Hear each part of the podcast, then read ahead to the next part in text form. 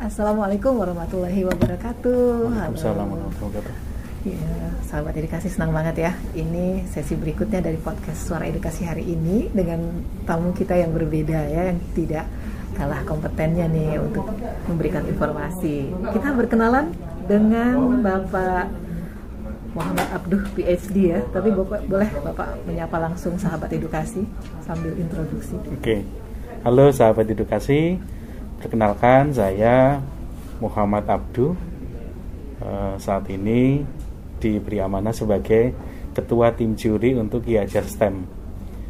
Di sehari-hari saya sebagai uh, pengembang teknologi pembelajaran ahli utama.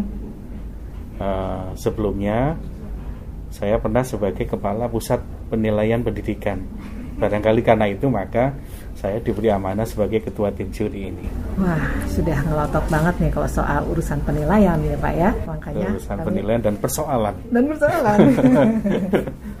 dan solusinya tentu saja. Hmm. ya, memang ini dalam rangkaian Ki Hajar STEM final ya, di tahap final yang sudah masuk tahap presentasi yang akhir nih Pak ya, akhir-akhir ya. ini di mana peran dewan juri wah ini sangat disorot.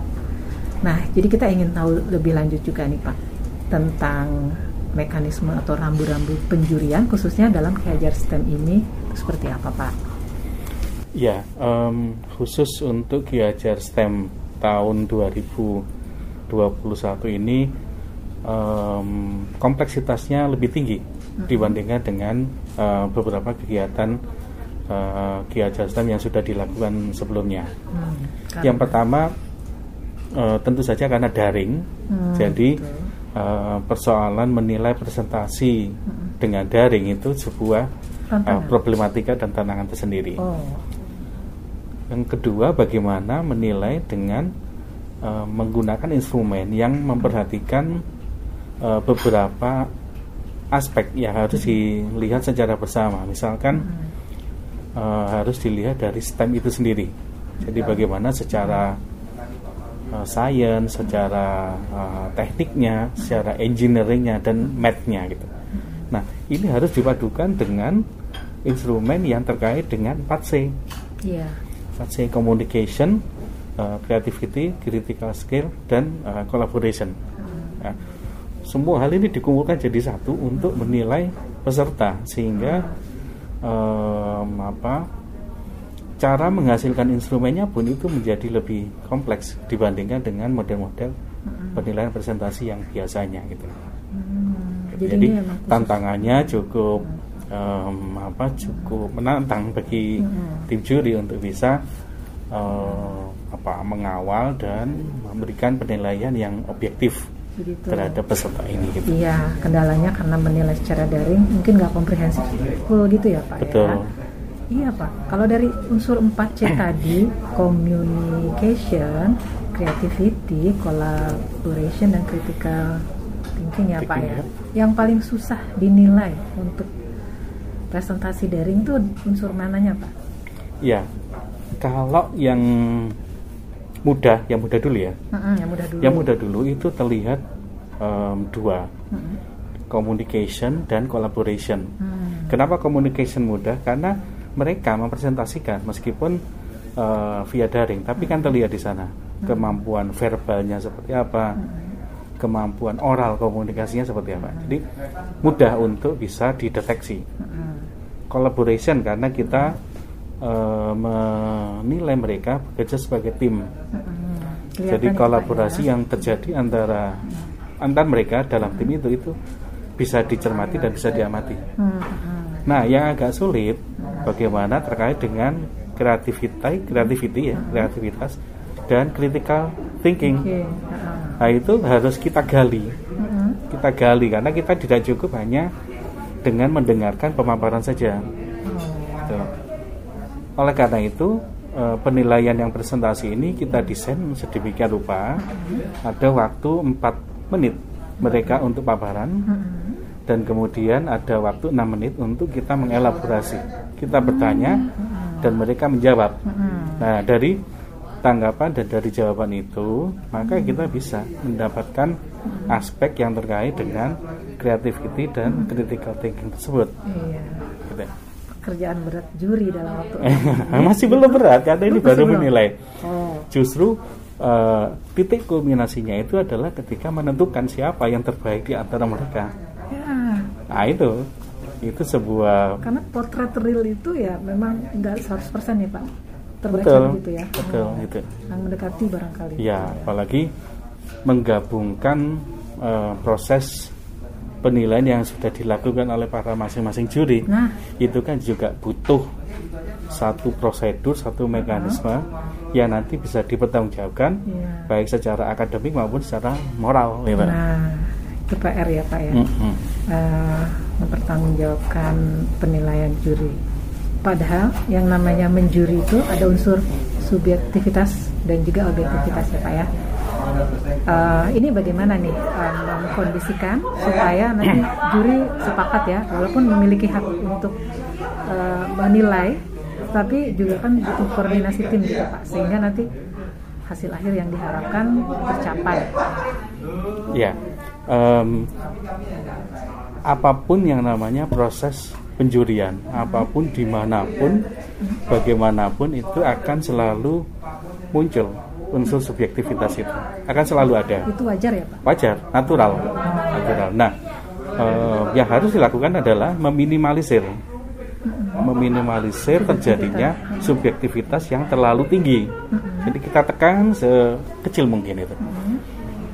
Caranya misalkan alat ukurnya sama.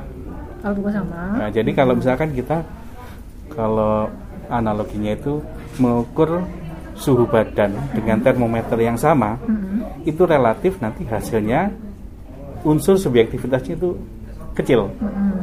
karena termometernya sama, Ya. alat ukurnya sama. Mm-mm. Kecuali kalau orang yang pertama diukur dengan termometer satu, orang kedua termometer beda, termometer beda. Nah itu akan sangat subjektif. Mm-mm. Nah sama seperti ini jadi instrumen yang kita gunakan Ya. itu sama, Iya. alat ukurnya sama. Jadi itu cara pertama untuk meminimalisir terjadinya subjektivitas tadi. Keberpihakan ya Pak. Ya.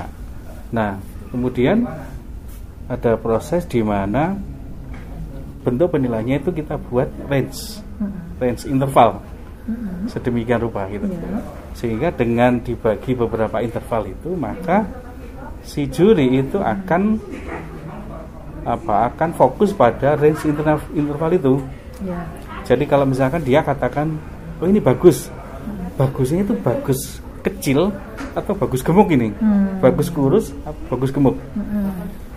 Nah, ini kurang ini, kurangnya itu kurang banget apa, mas sedikit lebih baik gitu. Iya.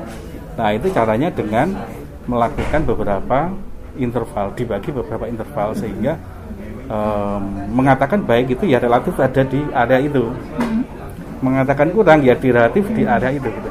Nah itu membuat range-nya itu tidak besar, membuat unsur subjektivitasnya itu tidak semakin lebar itu. Nah yang terakhir ketika nanti penentuan pemenang itu ada forum pleno Iya. ada forum pleno yang masih diberikan kesempatan kepada tim Ruang, ya. juri Untuk bisa mendiskusikan apakah eh, penilaian yang dilakukan tadi itu sudah sesuai betul dengan ini secara aklamasi Hmm. karena tadi kalau eh, unsur subjektivitas tadi itu di masing-masing itu kita jadikan satu pleno Mm-mm. maka kan nanti akan meminimalisir terjadinya subjektivitas yang tadi dilakukan pada saat melakukan penilaiannya gitu. Begitu ya.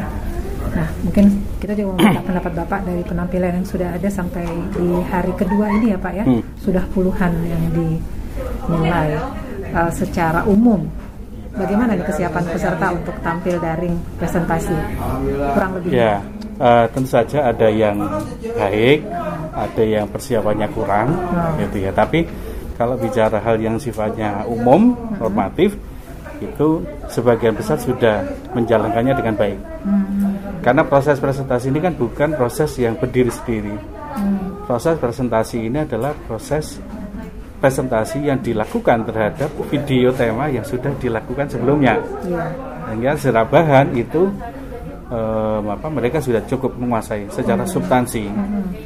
Nah, masalah terjadi ketika urusannya dengan jaringan, Oh, urusannya dengan em, apa? Misalkan kalau saya sendiri kan menilai di tingkat SD, Ya. namanya anak-anak SD kan tahu sendiri bagaimana mereka em, apa menyikapi situasi yang seperti ini. Ya. Termasuk bapak dan ibu guru pembimbing Kelihatan ya Pak. kelihatan sekali bahwa guru bapak dan ibu guru pembimbing ini tidak mau terlihat anak didiknya itu kurang gitu.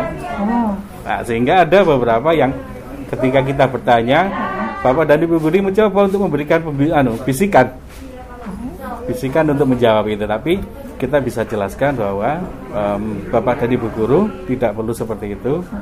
Karena yang akan kita lihat ini adalah bagaimana anak ini secara alami dan natural. Satu yang barangkali menonjol ya di SD tadi yang saya nilai itu ada satu tim itu yang em, apa menggali idenya itu sendiri dalam tim ya. dalam satu tim. Dominan. Ya, masih bukan, maksudnya dalam timnya itu. Oh, Sementara mayoritas Hmm. itu ide itu ga- digagas oleh bapak dan ibu guru pembimbing. Jadi anak didiknya ditugaskan untuk melakukan sesuatu gitu. Mhm. Nah, satu tim ini itu dia merasa ide saya bagus. Mhm. Bahkan dia berani untuk menolak pendapat gagasan gurunya gitu. Oh gitu Pak. Karena dia merasa percaya diri dengan Tersampaikan ya. tersampaikan tadi kita gali gitu. Bahkan kita tanya lo, Anda, eh adik-adik berbeda pendapat dengan gurunya tidak apa-apa, tidak apa-apa Pak, dibolehkan sama Pak Guru gitu. Nah, ini kan luar biasa, Ah, luar biasa. Ini sesuatu yang positif ya Pak. critical thinking itu, Oh begitu. Baik. kreativitas itu. Oh. Jadi kita dapat eh, apa aspek itu gitu dari tim-tim yang seperti eh, apa tadi itu. Ya, jadi sudah mulai bermunculan nih karakter-karakter yang diharapkan itu terbentuk Iya, itu ya betul, Pak ya melalui part C itu tadi ya. Aduh, masya Allah. Baik.